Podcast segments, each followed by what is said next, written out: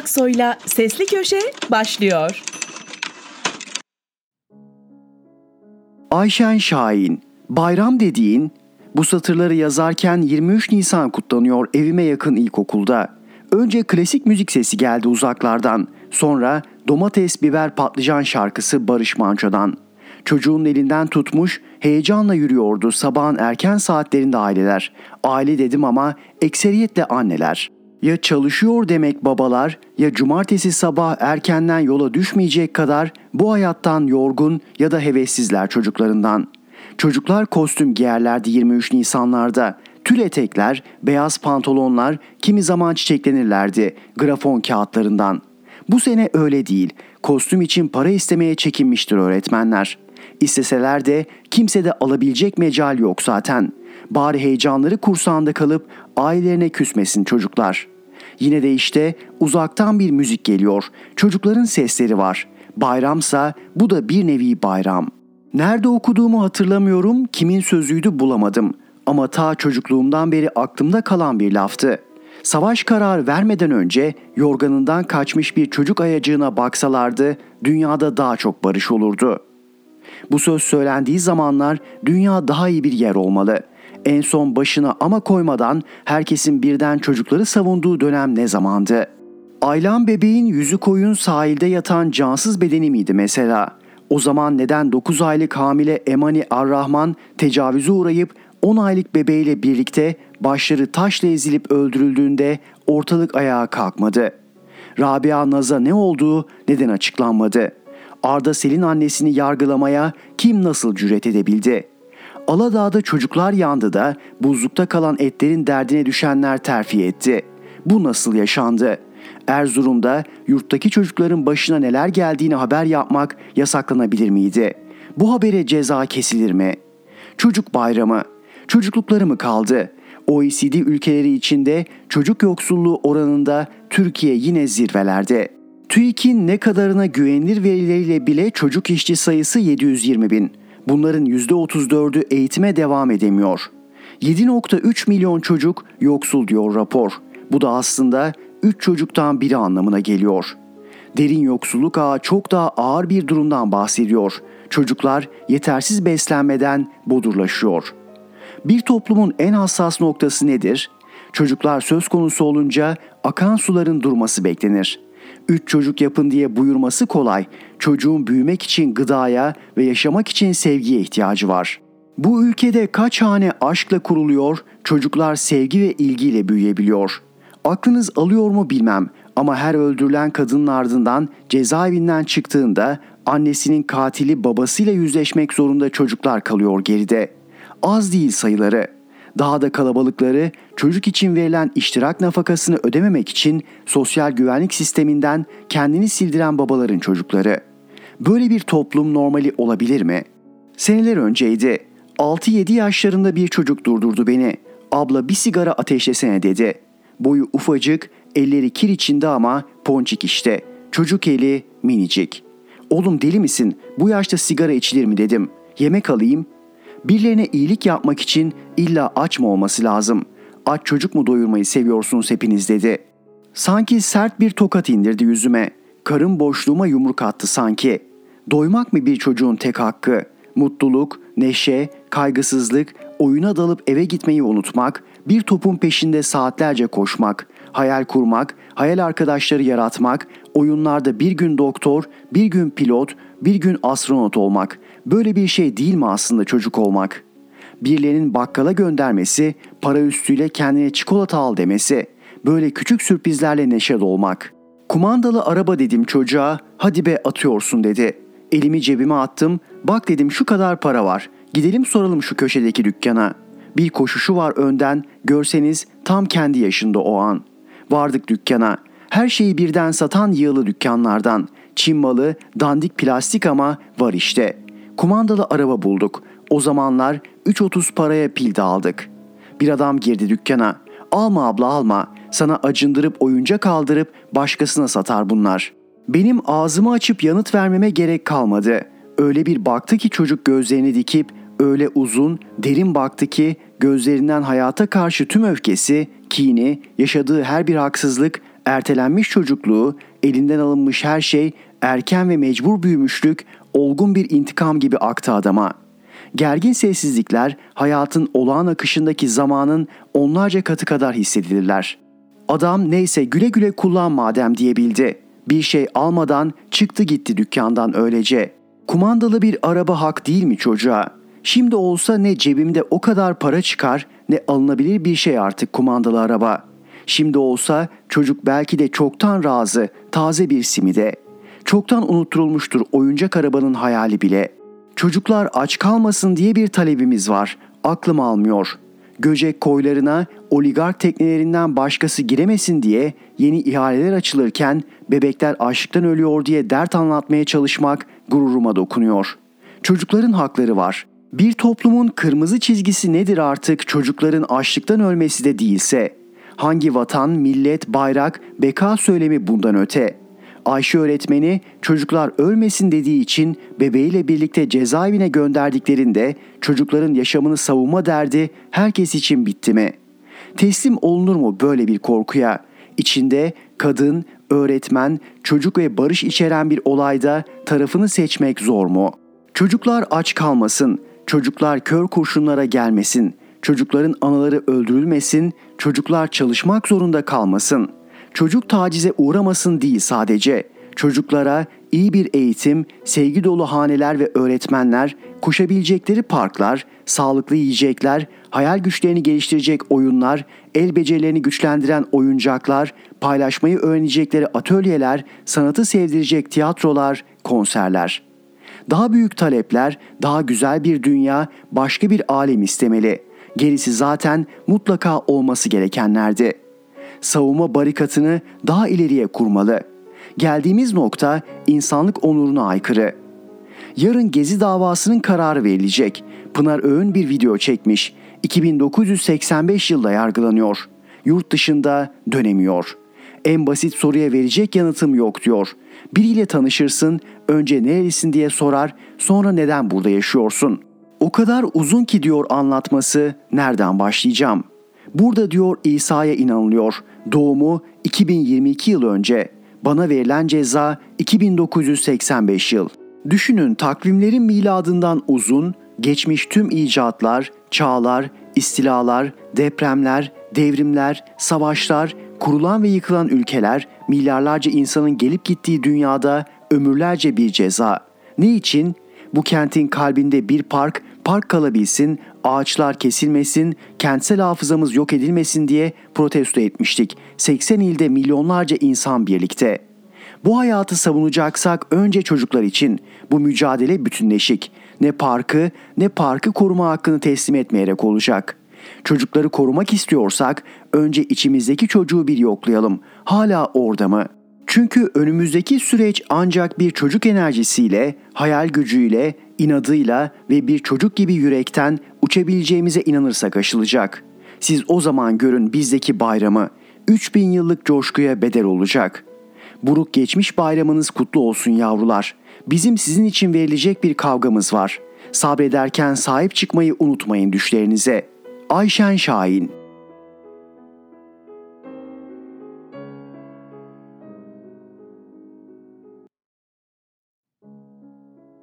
Fatih Altaylı, Ormanlar ve Kastı Mahsus. Tarım ve Orman Bakanı değişti ama pek yakında sezonu açacak olan orman yangınlarıyla nasıl mücadele edileceği konusunda henüz topluma yansımış bir değişiklik, bir doğru politika görünmüyor. Biliyorsunuz geçen yıl Tarım ve Orman Bakanlığı yangın söndürme uçağı kiralamadı. Ne Türk Hava Kurumu'ndan ne de başka bir yerden.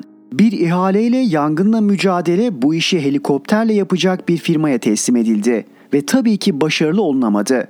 2021 yazı Türkiye tarihinin yangınlarda en fazla orman kaybedilen yılı olarak kayda geçti. Yani burada da rekor AK Parti iktidarına nasip oldu. Yangınlar ülkenin dört bir yanını sarınca gönüllü kuruluşlar, halk ve en sonunda kamu uçak kiralamaya çalıştı ama çok geçti. Yeterli uçak da bulunamadı. Bu arada Hurda denilen Türk Hava Kurumu yangın söndürme uçaklarının küçük bir bakımla uçabilecek durumda olduğu da anlaşıldı ama ne gam kimse umursamadı. Şimdi yeni yangın sezonu yaklaşıyor ancak hala ilgililerde bir kıpırdanma yok. Türk Hava Kurumu uçaklarının tamir edildiğini de duymuyoruz, başka bir yerlerle anlaşıldığını da. Hiçbir şeyden ders almayan ve her şeyi zaten doğuştan bildiğini zanneden iktidarımız bu yılda rekor tazeleme hatta muhtemelen rekoru geliştirme peşinde.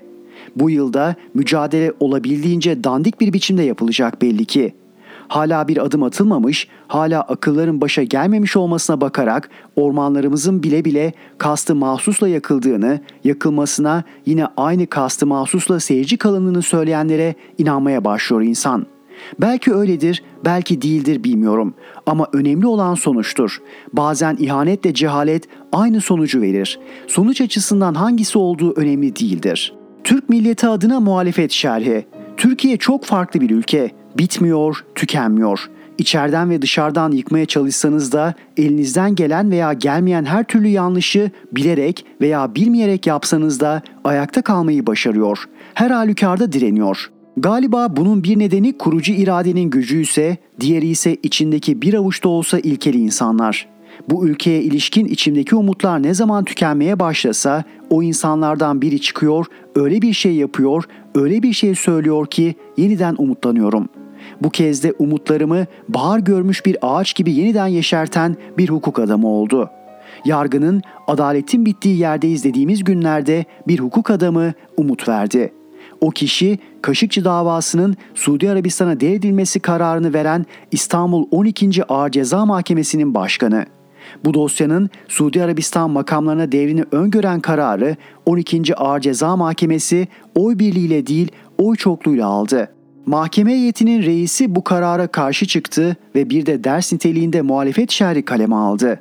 Mahkeme başkanı karara muhalefet ederken bu suçun Suudi resmi görevlerince işlenmiş olduğuna dikkat çekerek bu suçun vatandaşın kamu düzenini ihlalinden ziyade azgın ve mücrim bir takım kamu yöneticilerinin muhalif bir vatandaşı susturmak için bir suç olduğunu belirtiyor ölüm ve insan bedeninin bütününe yönelik cezaların olduğu bir ülkeye iadenin mümkün olmadığını, bu ülkeden bu konuda bir teminat alınmadan iadenin hukuki olmadığını ve garip olanınsa sanıkların bu duruma rağmen dosyanın iadesine yönelik bir itirazda bulunmamasına dikkat çekiyor ve dosyanın değeri karar verilirken mağdurun haklarının göz ardı edildiğine dikkat çekiyor.'' Adalet Bakanlığı'nın devir talebinin yargı üzerinde bir baskı oluşturduğunu ima ediyor ve sonunda iktidara rağmen Türk yargısının yüz akı olabilecek bir şekilde bu tarz devir kararlarıyla uluslararası alanda insan hakları ve hukukun üstünlüğü ilkelerine göre teamül oluşturma fırsatı heba edilmektedir diyerek iki uluslararası davaya dikkat çekiyor.'' Bunlardan birincisi İsrail'in Arjantin'den kaçırıp getirerek yargıladığı ve idama mahkum ettiği Ayman davası, diğeri ise yakın zamandaki Mavi Marmara davası. Hakim bu iki dava arasındaki tutum farkına değinerek birinde İsrail'in adam kaçırarak yargılama yaptığını, diğerinde ise suçluları koruduğunu ve parayla olayı örtbas ettiğini, Kaşıkçı davasının da benzer bir biçimde örtbas edildiğini anlatıyor ve şöyle diyor dava sanıkları himaye eden ülkeye devredilmiştir. Uluslararası alanda işledikleri suçların ciddi manada yargılanmayıp müeyyideye uğramadığını gören zorba yönetimler bu durumdan cesaret alarak eylemlerini pervasızca sürdürecekleri, bu tavrın bir teamüle, sünneti dönüşeceği açıktır. Birinci olayda ülke olarak inisiyatifimiz yoktu. Ancak son iki olayda rolümüz önemliydi zorbalığın önüne geçecek uluslararası kurumların oluşmasını sağlamak için ön ayak olabilecekken davalar bozulan ilişkilerin düzeltilmesine diyet olarak verilmiştir. Bu muhalefet şerhi bir hukuk adamının siyasi ilkesizliğe karşı adına karar verdiği Türk milleti namına isyanıdır. Bu ülke siyasi görüşleri birbirinden çok farklı da olsa böyle bir grup vatandaşının yüzü suyu hürmetine ayaktadır. Putin'i onaylamamak Biden'ı onaylamak değildir. Merak edip sorup duruyorsunuz. Celal Hoca nerede? Celal Hoca ile program yok mu diye. Celal Hoca evinde. Covid salgını sebebiyle eşi sevgili Oya Şengör tarafından eve hapsedildi. Ama merak etmeyin. Mayıs sonunda Celal Şengör ve Ahmet Arslan Hoca ile şahane bir teke tek bilim yapacağız. Sürpriz bir yerden. Bunun dışında Celal Hoca ile sık sık konuşuyor ve sık sık mektuplaşıyoruz. Bazılarınızın şaşırdığını biliyorum ama ben ve pek çok dostum telefonda olsa, WhatsApp'ta kullansak hala zaman zaman birbirimize mektup yazarız. Eski bir alışkanlık belki. Madem çok özlediniz, bugün sizinle Celal Şengör'ün bana son yazdığı mektubu paylaşayım. Sevgili arkadaşım, Bugün Almanya şansölyesi Bay Schulz, NATO'yu gerilimden uzak tutmak önceliğim demiş. Nihayet Amerika'nın bitip bilmeyen savaş kışkırtıcılığına Avrupa'dan aklı başında bir cevap.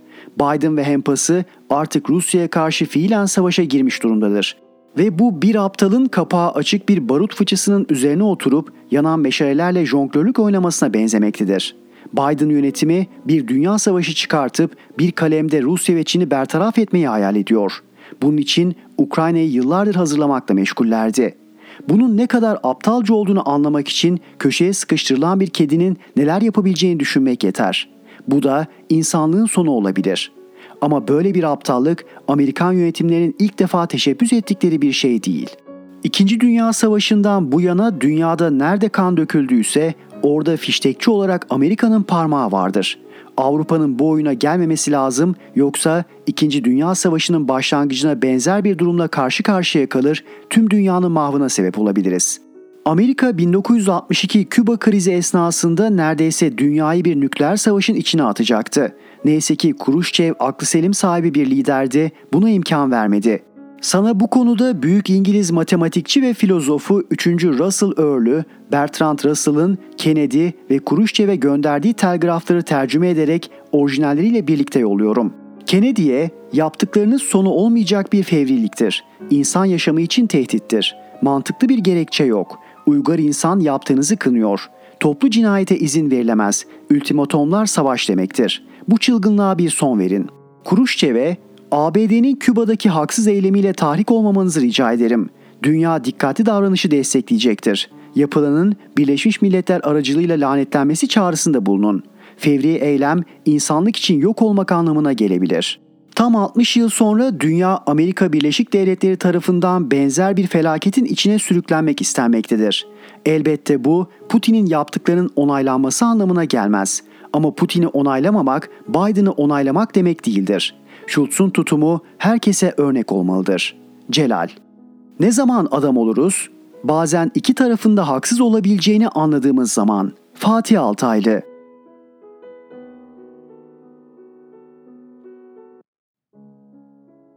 Mine kırık kanat, cehaletin arafında. Yozdaş azınlığa cennet, muhalif çoğunluğa cehennem ülkemiz Türkiye aslında bir araf. Ne yana savrulacağını bilemeyenlerin durağında tıkış tıkış olgunluk trenini bekliyor millete inananlar da, ümmete yamananlar da.'' Ancak bekleyiş uzadıkça uzuyor, hangimizin alnı ak, hangimizin vicdanı kara bir türlü netleşmiyor ve geçici konum Araf hepimiz için kalıcı konuta dönüştü epeydir.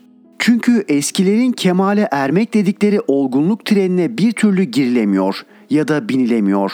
Aslında her gün geçiyor söz konusu tren ama dolu geliyor, dar geliyor, birkaç kişi ite kaka binebiliyor içine, eriyor kemale.'' Her gün çoğalarak bekleyenlerse hep açıkta kalıyor. O çoğunluk demek olan Türkiye'de cennetle cehennem arasında bir teviye kararsız. Araf mı Türkiye, Türkiye mi Araf ayırt edilemiyor artık. Niçin büyükçe bir olgunluk seferi konulmuyor bu Araf'a? Niçin toplumsal çoğunluğu içine alacak bir olgunluk treni uğramıyor bizim tarafa? Anlamaya çalışıyorum. Niçin olgunlaşamıyor Türk toplumu? Anlamak için kuşkusuz soruna dönmek ve olgunluğun tanımını yapmak gerek. Zihinsel ve duygusal yetkinlik kazanımına, bilgi ve görgü gelişmişliğine, deneyim zenginliğine olgunluk deniliyor. Zaten burada durmak gerekiyor. Çünkü yalnızca tanımı bile en azından benim gözlediğim kadarıyla Türk toplumunun niçin olgunlaşamadığını gösteriyor.'' Sade vatandaştan politikacısına en fazla kendi bildiği geçmişi yaşanmış sayıyor ve deneyim olarak ancak kendi bildiğini ölçü alıyor. Her kuşak yüzyıllardır bilineni yeniden keşfediyor. Kuşaktan kuşağa bilgi aktaramayan Türkiye'nin toplumsal düşünce birikimi de yerinde saymayı bırakın geriliyor.'' Çok az insan kendisinden önce neler yaşandığını okuyarak, öğrenerek kişisel bilgi alanını genişletmek ve başkalarının deneyiminden yararlanmak peşinde. O kadar çok insan üstelik okur yazar kendi bildiğinin dışında bir bilginin varlığını hatta varlık olasılığını reddediyor ki bazen bu cehaletten bile öte kendi bilmediğini yok sayan zihin darlığı karşısında dehşete kapılıyorum.'' Atatürk'ün kurduğu Türkiye'nin çimentosu değil bayrak birliği ve toprak bütünlüğüydü. 20 yıl önce toplum katmanlarını bir arada tutan bu çimentoyu çıkarıp yerine din koymak üzere iktidara gelen AKP milli eğitimi mahvetmeyi başardı. Ama bizim memleketin en kesin ve keskin gerçeği çimento hırsızlığı olduğundan din harcı da ufalandı, çöktü. Laik Türkiye Cumhuriyeti tüm eksiklerine rağmen sağlam bilim insanları yetiştirir, ilkokullarından bile bugün liselerden, üniversite demeye dil varmayan okullardan daha bilgili, daha olgun insanlar yetişirdi. Aslında AKP ile MHP oligarşisinin milleti ümmet, çimentoyu din yapacağız diye çıkıp Diyanet ticaretine varan yol, Türkiye'yi ABD'nin yörüngesine sokan Demokrat Parti döneminde döşenmeye başladı. Türkiye'de din dersleri ilk kez Demokrat Parti hükümeti tarafından 1950 yılında zorunlu hale getirildi. 1965 yılında iktidara gelen Adalet Partisi iktidarı döneminde tam olarak 1966 yılında Süleyman Demirel hükümeti tarafından çok doğru bir kararla ve sessiz sedasız zorunlu olmaktan çıkarıldı. 1981 yılından öteye Kenan Evren ve şürekası yani askeri junta tarafından yeniden zorunlu kılındı. O gün bugündür tepe taklak gidiyoruz. Siyasal İslamcılarda o çok övündükleri geçmişteki İslam uygarlığını, örneğin Endülüs Emevilerini dinden çıktılar diye yıkanların bağnaz Müslüman murabıtlar ve muvahitler olduğunu ya bilmez ya da hiç dillendirmezler. Ülkeyi nasıl soyduklarına bakarsak siyasal İslamcı bazı muktedirlerin de vatan haini oldukları kesindir. Sonuç olarak Türkiye kendisiyle başlayıp biten allamelerle dolu. Yok olan yeterli sayılınca Araf da olgunluk kazandırmıyor topluma. Cahillerin betonu din çimentosuyla karıldıkça çatlıyor. Üstelik deprem bile gerekmiyor. Kendi kendine yıkılıyor. Mine Kırık Kanat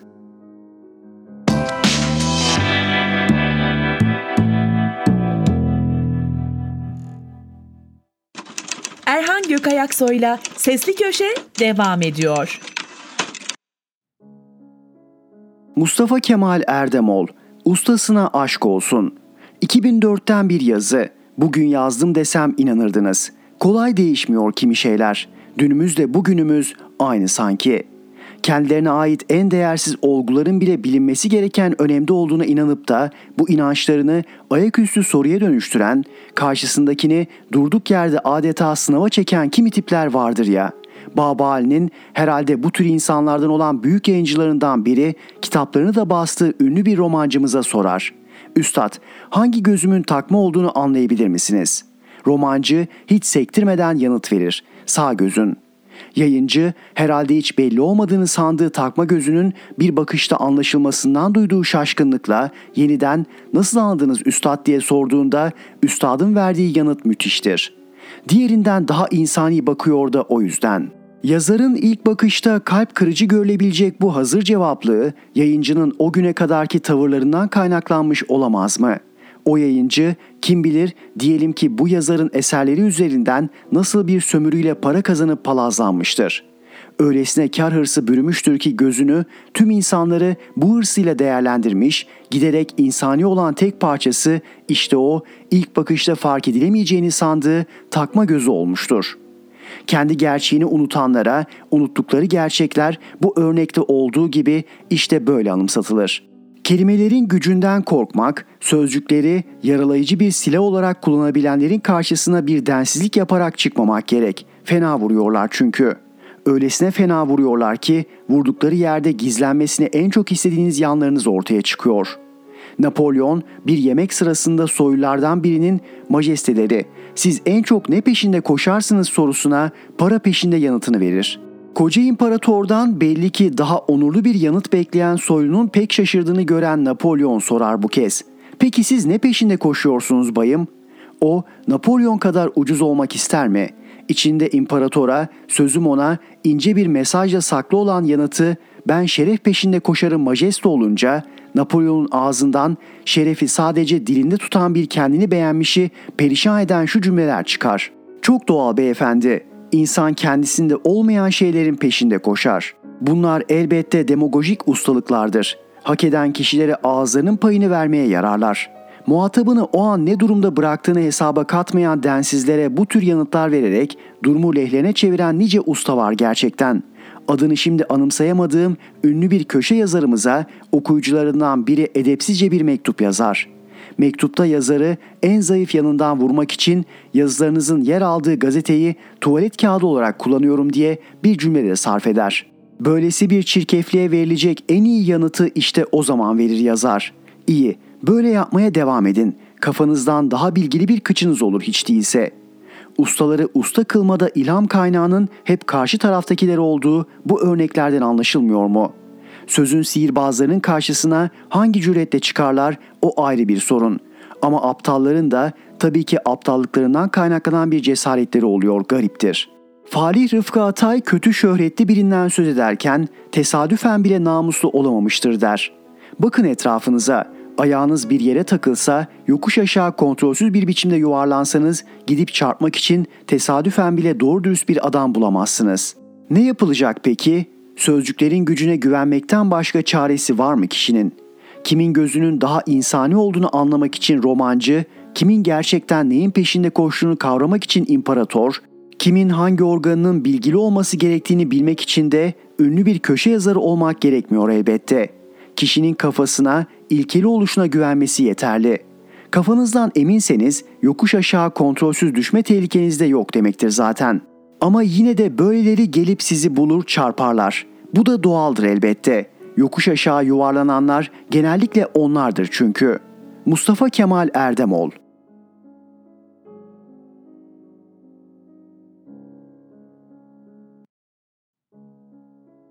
Müyesser Yıldız, Suriyeliler Allah'ın sınavı mı? Ankara 10 yılda nihayet Suriyelilerin geri gönderilmesi gerektiği noktasına geldi. Ülkemizin nüfusuyla kültürel, sosyal, ekonomik hayatı çoktan karanlık bir dehlize sokulmuş durumda. Bir de önümüzdeki 10 yıl içinde de nasıl gönderileceklerine karar verirlerse tamamdır. Evvela bir hakkı teslim edelim. Cumhur İttifakı'nın ortağı Bahçeli salı günkü grup toplantısında bayramda Suriye'ye gidenlerin geri dönmesine gerek yoktur. Çatışmanın durduğu yerde bu mümkündür açıklamasını yapınca herkes adeta şok geçirdi. Bahçeli'nin sözleri çıkış olarak nitelendirilip dikkat çekici bulundu. TRT bile Bahçeli'den sığmacı çıkışı derken CHP lideri Kemal Kılıçdaroğlu da Bahçeli'nin 180 derece çark ettiğini öne sürdü.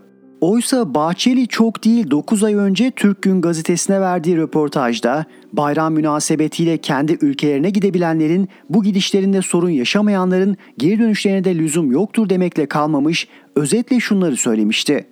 Ülke olarak demografik istikbalimizi düşünmek zorundayız.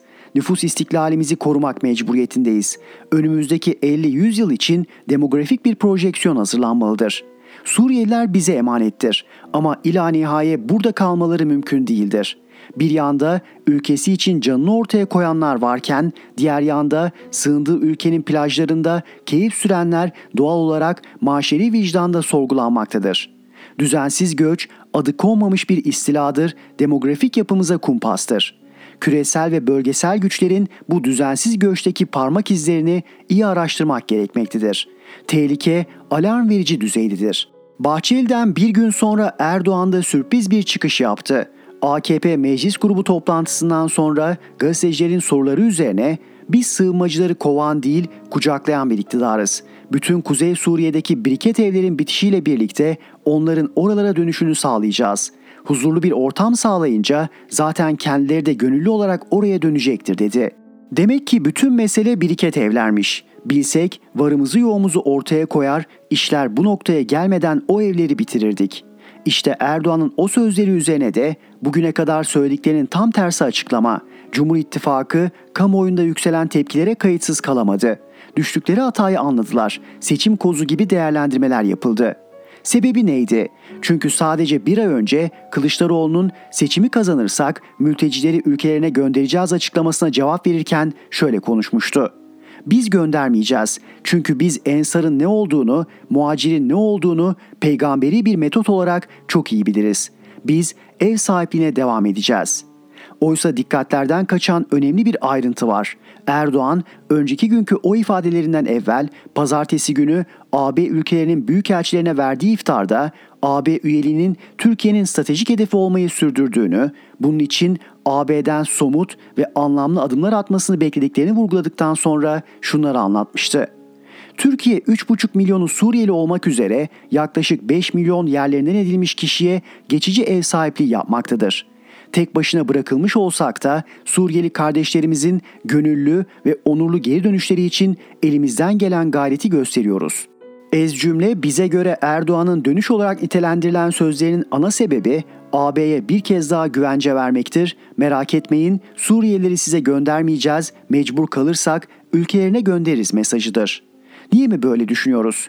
Erdoğan'ın Aralık 2015'te AB Konseyi Başkanı Donald Tusk ve AB Komisyonu Başkanı Jean-Claude Juncker'le bir araya gelmesinin ardından iki ay sonra ortaya saçılan görüşme tutanaklarını hatırlıyor musunuz? Çetin pazarlıkta Erdoğan'ın Yunanistan ve Bulgaristan sınırlarını açıp mültecileri otobüslere bindirip göndeririz. Eğer 2 yıl için 3 milyar avro verecekseniz hiç konuşmayalım dediği ortaya çıkmış. AKP sözcüsü Ömer Çelik de söz konusu tutanakları orada sadece gurur duyulacak sözler var ifadesiyle doğrulamıştı. Erdoğan'ın AB'nin Türkiye'ye vermeyi taahhüt ettiği 3 milyar euroluk ödemenin gelmemesi üzerine Şubat 2016'da yaptığı şu açıklamayı da unutmayalım. Kusura bakmayın alnımızda enayi yazmıyor. Edirne'den insanları otobüslere bindirdik, geri çevirdik. Bu bir olur, iki olur. Kapıları açarız, hadi hayırlı yolculuklar deriz.'' Bir de Ekim 2019'da AB'nin Suriye'deki Barış Pınarı harekatımıza karşı çıkması üzerine söyledikleri var. Şöyle tepki göstermişti. Ey AB kendinize gelin. Bizim operasyonumuzu bir işgal hareketi diye nitelendirmeye çalışırsanız işimiz kolay. Kapıları açarız, 3.6 milyon mülteciyi sizlere göndeririz. Kalkmışlar, para hesabı yapıyorlar.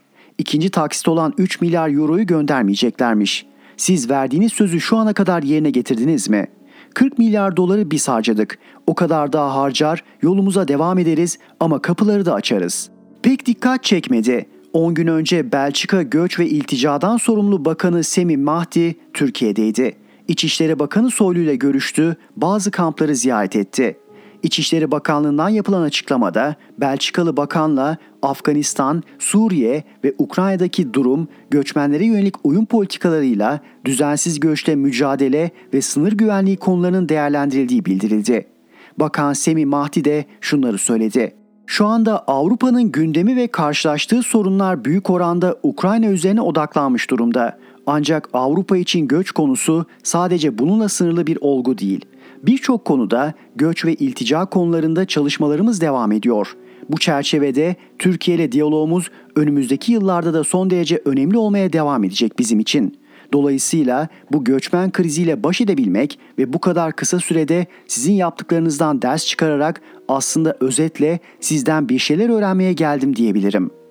Konuyla ilgisi var mıdır bilinmez ama Mahdi ile görüşmeden iki gün sonra İçişleri Bakanı Soylu şöyle bir paylaşım yaptı. Büyükelçilere açık açık söylüyorum. İki yüzlük yapmayın. Yanımıza gelip bu meseleyi çok iyi yönetiyorsunuz derken el altından ana muhalefete kışkırtıcılık yaptırmayın. Burası Türkiye, babanızın memleketi değil. Belçikalı bakanın dört gün sonraki şu paylaşımı da hayli ilginçti. Türkiye ziyaretinden çok şey öğrendim. Dünyada başka hiçbir ülke daha fazla mülteciye ev sahipliği yapmıyor. Evet, AB'den o ülkeye çok yatırım yapıyoruz. Ancak bu Suriyeli ailelere daha iyi bir gelecek beklentisi sunabilmek için fazlasıyla gerekli. Bakan Mahdi ile ilgili bir başka ayrıntıyı daha hatırlatalım. Ağustos 2021'de Avrupa Komisyonu'na yazdığı mektupta AB'nin Türkiye ile yaptığı göçmen ve sığınmacı yardım anlaşmasının Afgan mültecileri kapsayacak şekilde genişletilmesini istemişti. Son olarak Dışişleri Bakanı Mevlüt Çavuşoğlu'nun önceki gece bir televizyon programındaki açıklamalarına bakalım. Şunları söyledi. Yaklaşık 3.7 milyon Suriyeli göçmen var. Düzenli düzensiz göçmenler 5 milyona yakın. Bazıları ülkelerine döndü, bazıları batı ülkelerine gittiler. Uzun yıllardır süren uzun bir konu. BM, AB ile yapılan insani bir işbirliği var. Bu soruna ne açıdan baktığınız önemli. Bu işi siyasete alet etmemek gerek. Şartlar oluştuğu zaman insanların ülkelerine dönmesini de sağlamak lazım.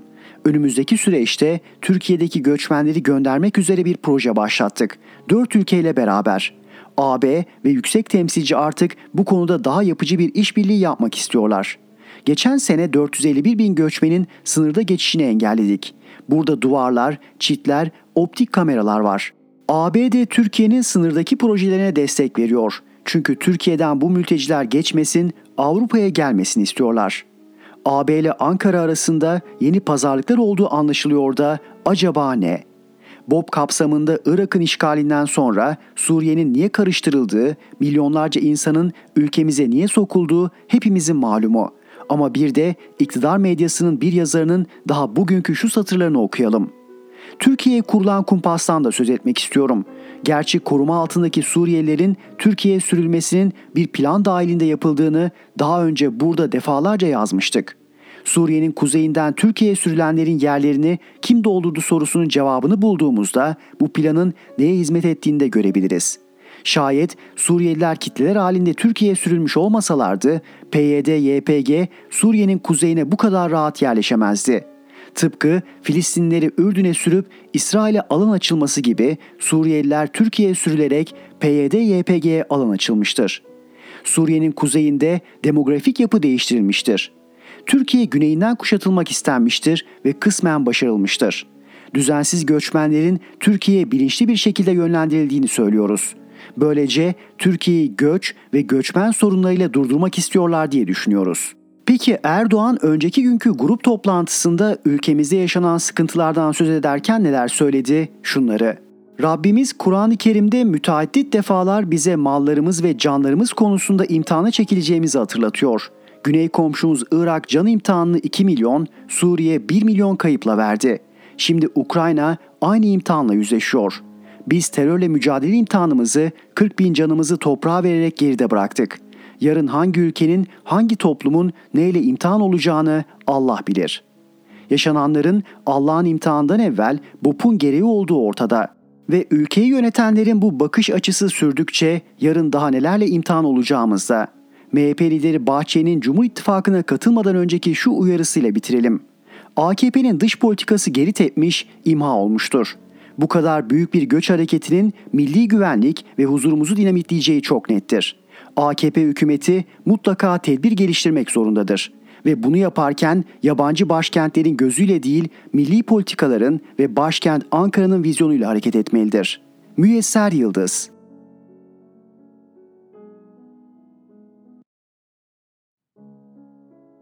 Naim Babiroğlu Milli Egemenlik Yolculuğu Osmanlı Devleti'nde toprak kaybı ve çekilme 1683'te 2. Viyana kuşatması sonucu başlar. 1877-78 Osmanlı-Rus Savaşı'nda ve 1912-13 Balkan faciasında Osmanlı Devleti Tuna ve Balkan topraklarını kaybeder. 1914-18 Birinci Dünya Savaşı sonunda dağılır. 30 Ekim 1918'de imzalanan Mondros Ateşkes Antlaşması'yla Osmanlı Devleti fiilen sona erer. Türk topraklarını işgal dönemi başlar. 15 Mayıs 1919'da Yunanlar Küçük Asya Seferi hayaliyle İzmir'i işgal ederler. 19 Mayıs 1919'da Mustafa Kemal Paşa'nın Samsun'da milli mücadele yolculuğu başlar. 22 Mayıs 1919'da ordu müfettişi olarak hazırladığı raporda millet milli egemenlik esasını ve Türk milliyetçiliğini kabul etmiştir. Bunu gerçekleştirmeye çalışacaktır ifadesi yer alır. Bu raporda Mustafa Kemal Paşa Samsun'a çıktıktan 3 gün sonra milli egemenlik ilkesini ortaya koyarak milli iradeyi temsil edecek bir meclisi hedeflediği görülür. 21-22 Haziran 1919'da yayınlanan Amasya Genelgesi'nde milletin istiklalini yine milletin azim ve kararı kurtaracaktır maddesi yine milli iradeyi yani meclisi işaret eder. 23 Temmuz 7 Ağustos Erzurum Kongresi kararlarında milli kuvvetleri etkin ve milli iradeyi hakim kılmak esastır maddesi meclise giden yolda önemli bir halkadır.'' Erzurum Kongresi'nde temsil heyeti oluşturulur ve başkanlığına Mustafa Kemal Paşa getirilir. Erzurum Kongresi'nde milli mücadelenin ve milletin lideri ortaya çıkmıştır. 4-11 Eylül 1919'da toplanan Sivas Kongresi Erzurum Kongresi kararlarını kabul eder. Sivas Kongresi Ali Fuat Paşa'yı Batı Anadolu Genel Kuvayi Milliye Komutanlığı'na görevlendirir. Böylece kongre yürütme etkisini kullanmış olur. Mustafa Kemal Paşa ve temsil heyeti 27 Aralık 1919'da Ankara'ya gelirler. Ünlü Times gazetesi Mustafa Kemal'in Ankara'ya gelişini şöyle yazar. Bütün dünyanın kuvvetine karşı ulusal bir hareket yaratmak ne çocukça bir hayal. Milli mücadele ve Mustafa Kemal karşıtı İstanbul basını da benzer yazılar yazıyordu. Refik Halit Karay, bir patırtı, bir gürültü, beyannameler, telgraflar. Sanki bir şeyler oluyor olacak. Ayol şuracıkta her işimiz, her kuvvetimiz meydanda. Dünya durumumuzu biliyor. Düşün, blöfün sırası mı? Hangi teşkilat, hangi kuvvet, hangi kahraman? Kuzum Mustafa, sen deli misin?'' Mustafa Kemal'in bu çocukça hayali 13 Eylül 1921'de 238 yıl süren çekilmeyi durduracak, 9 Eylül 1922'de işgal kuvvetlerini denize dökecekti. Bu çocukça heyecan İngiltere ile işbirlikçilerin hayallerini yerle bir edecekti. Kutsal bir hayaldi bu. Mustafa Kemal'in deli mi yoksa strateji ustası mı olduğunu çok değil iki yıl sonra tüm dünya anlayacaktı. Mustafa Kemal gerçekten deli miydi? Evet, Büyük İskender'i, Hannibal'ı, Sezar'ı, Napolyon'u kıskandıran büyük zaferler kazanacak kadar deliydi. Mustafa Kemal Paşa 19 Mart 1920'de bir genelge yayımlar. Bu genelgede milletin yeniden seçeceği temsilcilerle ve İstanbul Meclisi vekillerinden Ankara'ya gelebilenlerinden kurulacak yeni meclisin milletin bağımsızlığı yolunda tedbirler alacağını bildirir. Temsilciler Kurulu Başkanı olarak Mustafa Kemal Paşa'nın 21 Nisan 1920'de askeri ve sivil makamlara gönderdiği telgraf. Tanrı'nın yardımıyla Nisan'ın 23. günü Büyük Millet Meclisi açılarak çalışmaya başlayacağından o günden sonra bütün sivil ve askeri makamların ve bütün ulusun başvuracağı en yüce kat adı geçen meclis olacaktır. Temsilciler Kurulu adına Mustafa Kemal. Mustafa Kemal Meclisi tüm askeri ve sivil makamların bağlı olacağı en yüce kurum olarak görmektedir. Padişah da tek kişide toplanan yetkileri meclis vasıtasıyla millete devrediyordu. Yani kul yerine değerli birey ortaya çıkıyordu. 24 Nisan 1920 Cumartesi Mustafa Kemal Paşa Türkiye Büyük Millet Meclisi Başkanlığı'na seçilir. 39 yaşındadır. Yaptığı konuşmada derhal memleketin kaderini üzerinize alınız. Bu meclis tam anlamıyla sorumludur. Millet bizi bunun için gönderdi. Bizi buraya 5 kişinin eline milleti terk edelim diye göndermemiştir diyerek Büyük Millet Meclisi'nin üstünde herhangi bir güç olmadığını kesin çizgilerle belirtir. Meclis açıldığında Türkiye'de 200 bin kişilik istila ordusu bulunuyordu. 38 bin İngiliz, 59 bin Fransız, 18 bin İtalyan, 90 bin Yunan askeri, güneyde 10 bin silahlı Ermeni, kuzeyde 25 bin Pontusçu Rum vardı. Bu sayılara doğudaki Ermeni ordusu, Batı Anadolu'daki Rum Ermeni çeteleriyle işgalcilerle birlikte hareket eden Kuvayi İnzivatiye, Anzavur kuvveti ve isyancılar dahil değildir.'' İngiliz, Fransız ve İtalyanlar İstanbul'u, Fransızlar Adana'yı, Güneydoğu'da İngilizler Urfa, Maraş ve Gaziantep'i, güneyde İtalyanlar Antalya ve Konya'yı, Karadeniz'de İngilizler Samsun ve Merzifon'u, Yunan Küçük Asya ordusu da Batı Anadolu'yu işgal etmişlerdi. İşte Mustafa Kemal Paşa ve arkadaşları milli mücadeleyi yürütmek ve İstiklal Savaşı'nı yönetmek için Türkiye Büyük Millet Meclisi'ni bu koşullarda açmışlardı. İstanbul hükümetinin harp divanı Mustafa Kemal'i ve kadrosunu idama mahkum eder. Padişah Vahdettin idam kararlarını bekletmeden onaylar. Sadrazam Damat Ferit milletin şeref ve namusunu korumak ve işgalcileri durdurmak için kanını döken milli kuvvetlere ve askerlere karşı dinsel savaş açar.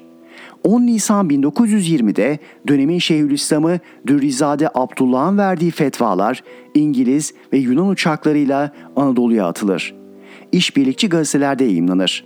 Rumlar, Ermeniler, Hürriyet ve İtilaf Partisi tarafından dağıtılır. Fetvaların özeti şöyledir.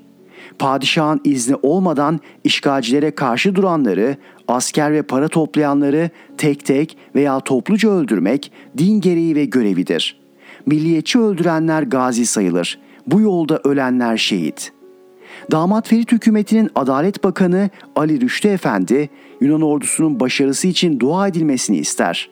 Balıkesir, Bursa ve Uşak'ın Yunanlarca işgal edilmesi üzerine de Yunan ordusunun ilerlemesi hükümetimizin programına uygundur diyecek ve Yunanların işgal etmediği illeri kurtarılmamış iller olarak tanımlayacaktır.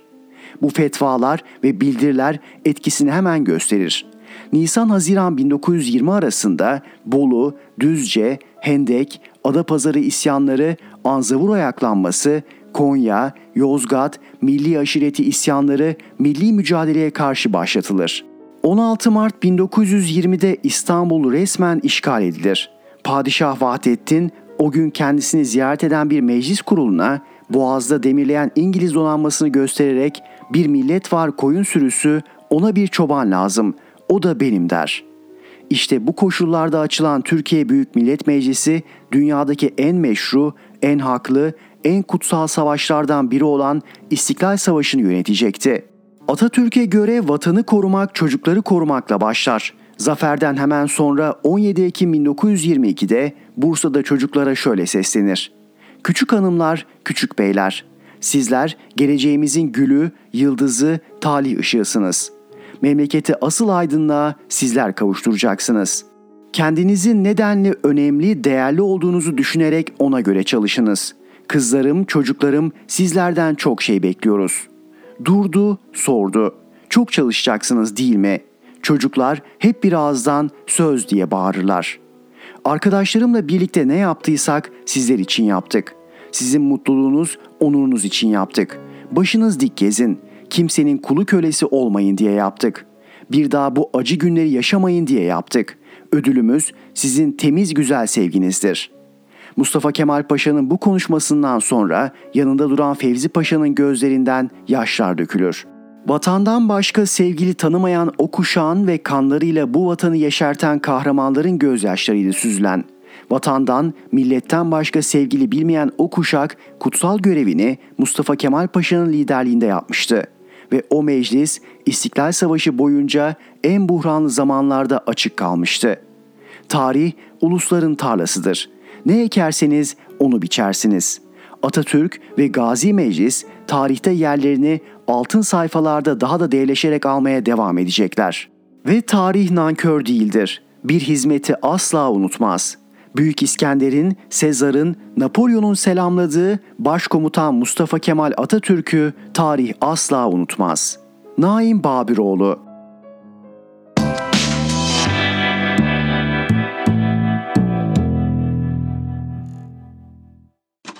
Erhan Gökayaksoy'la Sesli Köşe devam ediyor. Orhan Uğuroğlu, Bedevi olamayız, medeni olmalıyız. Ertuğrul Günay'la Flash TV'de Bahar İliğin hazırlayıp sunduğu Perde Arkası canlı yayınına katıldım. Recep Tayyip Erdoğan'dan gelen davet üzerine 2007 genel seçimi öncesi Adalet ve Kalkınma Partisi'ne geçen Günay 31 Ağustos'ta Kültür ve Turizm Bakanı olarak atandı. Günay 17 Aralık rüşvet olayları sonrası 27 Aralık 2013'te AKP'yi mağrur ve mütakim anlayış suçlamasıyla istifa etti. Eski bakanın siyasi yaşamını özetledikten sonra AKP'ye ve Recep Tayyip Erdoğan'a yönelik eleştirilerini özetleyeyim. Ertuğrul Günay dedi ki, AK Parti kuruluş ayarlarından geri gitmeye Arap Baharı ile başladı. Büyük Orta Doğu Projesi'nin eş başkanı Erdoğan, Irak, Libya ve Mısır'dan sonra Suriye politikasında Türkiye'nin dış politikasında eksen kaymasına sebep oldu. Bu eksen kayması sonucunda tek adam rejimini gerçekleştirmek üzere anayasa hükmü olan Haziran 2019'da seçim kuralını çiğneyerek Haziran 2018'e çektiler. Anayasanın çiğnenmesi karşısında kimse sesini yükseltemedi.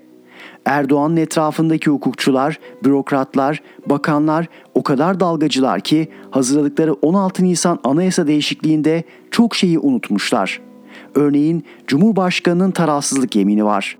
Türkiye Cumhuriyeti Anayasası'na, Atatürk inkılap ve ilkelerine, anayasada ifadesi bulunan Türk milliyetçiliğine sadakatle bağlı kalacağıma, Türkiye Cumhuriyeti kanunlarını milletin hizmetinde olarak tarafsız ve eşitlik ilkelerine bağlı kalarak uygulayacağıma, Türk milletinin milli, ahlaki, insani, manevi ve kültürel değerlerini benimseyip, koruyup bunları geliştirmek için çalışacağıma, insan haklarına ve anayasanın temel ilkelerine dayanan milli demokratik, laik bir hukuk devleti olan Türkiye Cumhuriyeti'ne karşı görev ve sorumluluklarımı bilerek bunları davranış halinde göstereceğime namusum ve şerefim üzerine yemin ederim.'' namusu ve şerefi üzerine tarafsız kalacağına yemin eden Erdoğan bugün görüyorsunuz asla tarafsız kalamıyor. Çünkü aynı anayasa değişikliğinde partili olmasına da izin veriliyor. Çarpıcı bir örnek vereyim. 1947 yılı bütçe görüşmelerinde ortaya çıkmıştır.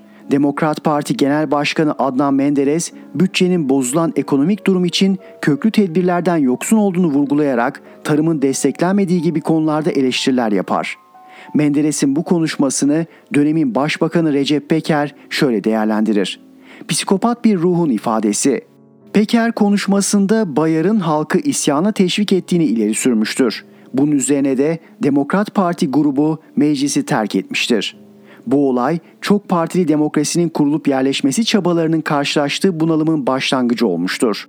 9 günlük boykottan sonra Cumhurbaşkanı İnönü'nün müdahalesi ve böyle bir durumun tekrarlanmayacağı güvencesiyle Demokrat Parti grubu yeniden meclisteki yerini alır. Bugüne bakacak olursak Erdoğan partili militan gibi hareket ediyor ki Cumhurbaşkanı Erdoğan tarafından Cumhurbaşkanı yardımcısı olarak atanan Fuat Oktay haddini aşan söylemlerle muhalefet partilerini eleştiriyor. Cumhurbaşkanının partili olması olabilir ki Celal Bayar Cumhurbaşkanı seçilince genel başkanlıktan istifa etti ama parti üyesi olarak kaldı. Adnan Menderes genel başkan oldu. İktidarla muhalefet arasında ara buluculuk yaparak siyasi krizi engellemeyi başarmıştı. Eski AKP'li bakan hukukçu Ertuğrul Günay, Erdoğan'ın üçüncü kez adaylığı konusundaki görüşlerini de şöyle açıkladı. Erdoğan 2014 ve 2018'de iki kez seçildi. Anayasanın 101. maddesinin ikinci fıkrasına göre üçüncü kez Cumhurbaşkanı olamaz. Cumhurbaşkanının görev süresi bitmeden meclis bir erken seçim kararı alırsa görev süresi bitmeyen ve iki kez seçilmiş olsa da Cumhurbaşkanının mağdur olmadan yeniden seçilebilmesi için anayasanın 116. maddesi olanak veriyor. Erdoğan muhalefetin çağrısına yanıt versin ve üçüncü kez aday olmak istiyorsa bu yıl Ekim ayında seçim yapılması için meclis karar versin. Yüksek Seçim Kurulu'nun yüksek hakimleri zamanında seçimde Erdoğan'ın başvurusunu kabul edemez. YSK üyeleri suç işleyemez. 12 Eylül 1980 darbesini yapan Kenan Evren ve arkadaşlarını şu gerekçeyle yargıladılar. Anayasa hükmünü ilga etmek. Anayasayı çiğneyenler de günü gelince elbette yargılanırlar. Bedevi olamayız, medeni olmalıyız. Orhan Uğuroğlu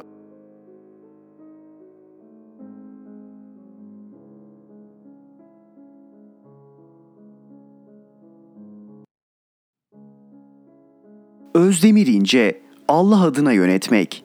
22 Nisan 2022 tarihli yazımda sözüne ettiğim 24 Mayıs 2017 günü sistemde yayınladığım Allah adına yönetmek başlıklı yazımın giriş bölümünü bilginize sunuyorum. Uzun yazının tamamını Sonun Sonu adlı kitabımda okuyabilirsiniz. 5 yıl sonra bu karanlık yolculuğun neresindeyiz bir bakalım. Boğlem Sansal'ın Allah adına yönetmek adlı bir kitabını okuyup bitirdim. Sanki kitabı ben yazmışım gibi.'' Boğlem Sansal, Cezayirli, Fransızca yazan bir romancı. Toplumla ilgili sorunların yorumlanmasında sosyologlardan, felsefecilerden daha çok edebiyatçılara güvenirim. Kitap bir iki ayrıntı dışında beni hayal kırıklığına uğratmadı. 2013'te yayımlandığı ve bu tarihten önce yazıldığı için Türkiye hakkındaki yorumları günümüzün gerçekleriyle uyuşmuyor ama bütün İslamcı iktidarlar için söylediği Allah adına yönetmek iddiası Türkiye için de tam anlamıyla geçerli. İslamcı iktidarlar Allah adına yönettikleri için rahatlıkla yalan söyleyebiliyorlar ve kolayca takiye bu kaleminuna dönüşebiliyorlar. Allah adına yönettikleri için sorumluluk duygusundan kesinlikle yoksunlar. Bu dünyaya ait bütün denetçi kuruluş ve aygıtları yok etmeyi hedefliyorlar. Allah adına yönetmek kimseye hesap verilmediği için millet adına yönetmekten daha kolay. Allah adına yönetenler millete hesap vermemek için gün gelir parlamentoyu ve seçimi gereksiz yük olarak görürler. Allah adına yönetenler onu, peygamberini ve kutsal kitabını hesap soramayacaklarını bildikleri için hiç umursamazlar. Çekinmezler çünkü çekinmeleri gereken halkı dinsel hurafelerin afyonuyla uyutmuşlardır. Bütün bunları yapanlardan anayasa ve yasalara saygı beklemek saflık olmaz mı? AKP ve onun ebedi başkanı şefi RT Erdoğan Türkiye'yi 15 yıldır Allah adına yönetiyordu. Erdoğan artık hem Cumhurbaşkanı hem AKP'nin seçilmiş genel başkanı. Böylece tam anlamıyla Necip Fazıl'ın baş yücesi oldu. Artık kimseye hesap vermeden herkesten hesap sorabilir, her konuda hüküm verebilir, her konuda kararname çıkarabilir. Nitekim AKP Genel Başkanlığı devralmadan bir gün önce kültür ve sanat alanına giren konularda yani bizim çöplükte esti gürledi. Bizim mesleğin mezhebinde boyun eğmek, boyunduruk taşımak olmadığı için alanımızı korumak zorundayız. Bugünkü konumuz şu. RT Erdoğan'ın Türgev tarafından 2015'te kurulan ve bu yıl öğrenci almaya başlayacak olan İbn Haldun Üniversitesi'nin açılışında yaptığı konuşma. 19 Mayıs 2017. Bugün artık AKP Genel Başkanı'nda olan RT Erdoğan'a o gün oğlu Bilal Erdoğan'la kızları Esra Albayrak ve Sümeyye Bayraktar eşlik etmiş. Tunus'un Müslüman kardeşleri olan Ennah'da Reform Hareketi'nin lideri Raşit Ganluşi de açılışa davetliymiş. Ganluşi'nin açılışta bulunması son derece önemli ve simgesel. Bir İslamcı meydan okuma. AKP Genel Başkanı Erdoğan o gün yaptığı konuşmada başta İbn Haldun olmak üzere birçok netameli konuya değinmiş. En sonda söylemem gerekeni başta söyleyeceğim. Bir insan danışmanlara, metin yazarlarına gereksinim duyacağı konularda denetleyemeyeceği için kesinlikle konuşmamalı. Yanlış konuşması durumunda saygınlığı zedelenir, inanılır olmaktan çıkar. Daha önce birçok kez yazdım. Allah adına yönetmenin yalın anlamı şu. Siyasi iktidarın kaynağı doğaüstü ilahi hukuksa buna adıyla sanıyla teokrasi denir ki artık egemenlik halka ya da millete değil sadece Allah'a aittir. Tanrı toplum düzenini ve onun koruması amacıyla iktidarı yaratırken aynı zamanda iktidarı kullanacak olanı da belirler. Burada söz konusu olan ya bir kişi ya da bir hanedandır. Buna monarşi denir.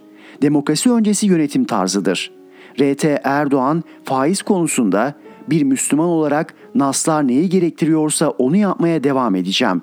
Hüküm bu dedi mi? Dedi. Naslar Allah'ın ve peygamberin kelamı anlamını taşır. Bu RT Erdoğan'ın yönetim anlayışının Kur'an'dan kaynaklandığının somut ifadesidir. Artık ne Türkiye Büyük Millet Meclisi ne de demokrasi vardır. Erdoğan artık bir monarktır. Geçmiş ola mı? Hayır. Ya Erdoğan ya da anayasa ve demokrasi. Özdemir İnce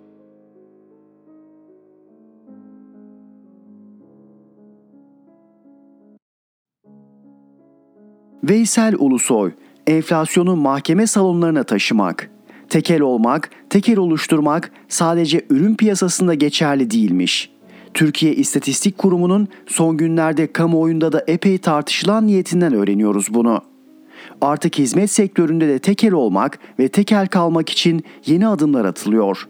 Bunun en taze örneği TÜİK'in niyetiyle karşımıza geliyor. Resmi istatistiklerin koordinasyonunda tek yetkili olan Türkiye İstatistik Kurumu'na alternatif olarak enflasyon hesaplanmasının önüne geçecek taslak bir çalışma basında haber oldu geçtiğimiz günlerde. Bu çalışmaya göre TÜİK dışında başka bir kurum enflasyon hesaplayamayacak. Hesaplayıp kamuoyuna açıklayabilmek için TÜİK'e izin başvurusu yapacak. TÜİK, Türkiye'de üretilen tüm verilerin kontrol ve izni tamamen bende olacak diyor bu niyetinde. Diğer bir ifadeyle toplayıp derlediğiniz veriyle bir endeks veya yönelim yöntem hesaplayıp halkla buluşturmak isterseniz bunun metodunun geçerlik iznini artık TÜİK'ten almanız gerekecek.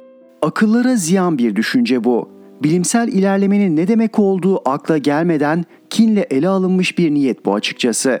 Bürokratik bir düşünce yapısının hadi şunu şöyle yapalım tarzında düşünüp tasarladığı bir çala kalem yazıdır bu. Öte yandan son derece ciddiye alınması gereken bu niyetin esas amacının bilimsel çalışmaları konferans salonlarından alıp mahkeme salonlarına taşıma gayreti olduğunu görüyoruz. Bu gayretle de bir bürokratik aklın araştırmalarla ortaya çıkan sonuçları kontrol altına alma girişimi kapalı olarak beyan ediliyor. Peki nedir bir bilimsel ilerleme veya bilimsel çalışma ve neden kontrol altına alınmak istenir? Öner Günçavdı hocamız çok yalın açıklıyor bunu. Bilimsel ilerleme bürokrasinin kontrolünde olmaz diyor Öner Hoca. Hocamız haklı olarak devam ediyor ve ben şimdi bilimin en üst noktasında uluslararası camiadaki tartışmaların içerisinde bir yöntem üretiyorum ve daha sonra bu bir bürokratın iznine tabi tutuluyor. Böyle bir şey olur mu? Bu basit bir şey gibi görünse bile bugün Enag'ın başına gelen şey iki gün sonra başka birinin başına gelmeyecekmiş gibi davranmak doğru değil.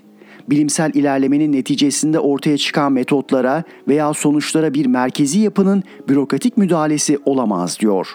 Hatta bunu sadece TÜİK içinde vurgulamıyor Öner Hoca.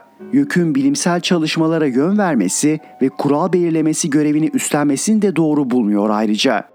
Bilimsel çalışma ve onların sonucunda elde edilen bilgilerin toplumun yararına kullanılması gereği ortadayken bilime tek başına sahip olma hakkını kendinde bulan TÜİK'in bu niyeti böyle giderse sonuncusu da olmayacak. Veri sağlığının istatistiki yöntemlerle test edilme olanağı ortadayken bunu mahkeme salonlarına taşımak seçimin çok yaklaştığı şu günlerde acaba ile başlayan birçok soruyu aklımıza getirmektedir. Yanıtının hissettiğimizle aynı olduğu her durumda acaba ile başlayan soruyu halkın düşüncesinden çıkarıp almak yine kurumlarımızın görevidir. Çözüm bilimin ışığıyla olur. Onu mahkeme salonlarına taşıyarak değil. Veysel Ulusoy